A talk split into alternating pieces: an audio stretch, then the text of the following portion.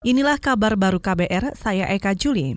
Saudara, Istana Kepresidenan tidak mengetahui perkembangan penyusunan draft peraturan pemerintah pengganti undang-undang atau Perpu pembatalan Undang-Undang KPK yang sedang dipertimbangkan penerbitannya oleh Presiden Joko Widodo. Menurut Sekretaris Kabinet Pramono Anung, keputusan penerbitan Perpu tersebut hanya diketahui Jokowi. Hmm?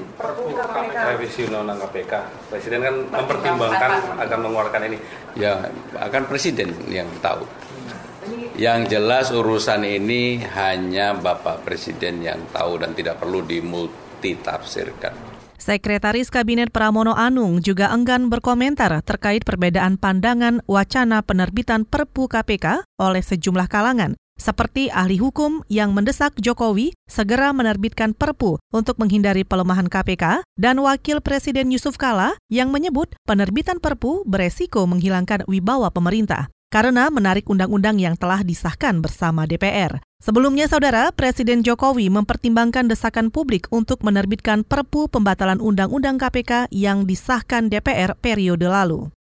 Saudara, hari ini Komisi Pemberantasan Korupsi KPK memeriksa enam saksi terkait kasus izin proyek reklamasi wilayah pesisir dan pulau-pulau kecil di Kepulauan Riau. Laporan selengkapnya disampaikan reporter KBR Mutia Kusuma dari Gedung Merah Putih KPK Jakarta. Saudara, Komisi Pemberantasan Korupsi KPK akan memeriksa enam saksi terkait kasus izin, prinsip, dan lokasi pemanfaatan laut proyek reklamasi di wilayah pesisir dan pulau-pulau kecil Kepri. Adapun saksi yang dipanggil KPK yaitu Kasubag Pimpinan Niosi Suarsih, Kepala Biro Kesra Provinsi Kepri Ayub, Direksi PT Marco Polo Shipyard Simon Karuntu, Bagian Keuangan PT Marco Polo Shipyard Fredly alias Awi, Sekretaris Gubernur Kepri, Elda, dan partner di PT Mahakarya Agung, Suryanto. Menurut juru bicara KPK Febri Diansyah, para saksi diperiksa untuk tersangka Gubernur nonaktif Kepri, Nurdin Bashirun. Diketahui sebelumnya Nurdin ditangkap bersama dengan tujuh orang lainnya terkait izin prinsip dan lokasi pemanfaatan laut proyek reklamasi di wilayah pesisir dan pulau-pulau kecil Kepri. Selain suap, KPK juga menduga Nurdin menerima gratifikasi terkait dengan jabatan. Dari Gedung Merah Putih KPK Mutia Kusuma Wardani untuk KBR. Kita ke informasi Papua. Hingga hari ini, sebanyak 4.600-an warga Wamena dievakuasi ke Jayapura pasca demonstrasi yang berujung rusuh akhir September lalu. Menurut Kepala Kepolisian Daerah atau Kapolda Papua, Paulus Waterpau, dari 4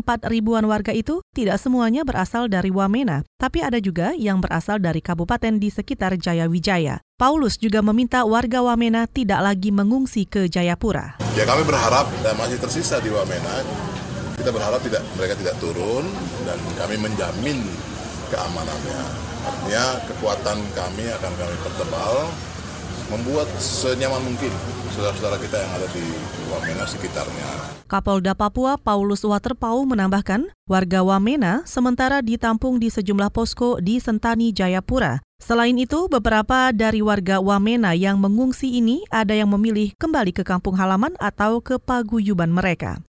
Kita ke informasi olahraga. Empat pemain timnas Indonesia absen di pemusatan latihan perdana jelang berangkat ke Uni Emirat Arab untuk laga tandang kualifikasi Piala Dunia 2022 10 Oktober mendatang. Empat pemain timnas yang absen itu adalah Yan Tobasna, Nofri Setiawan, Beto Gonçalves, dan Manahati Lestusen. Absennya empat pemain ini membuat sesi latihan tim hanya diikuti 21 pemain dan 25 pemain yang dipanggil. Timnas Indonesia akan melakoni dua laga di kualifikasi Piala Dunia 2022 melawan Uni Emirat Arab dan berikutnya Vietnam pada 15 Oktober. Saat ini tim Merah Putih menjadi juru kunci klasemen sementara Grup G kualifikasi Piala Dunia 2022.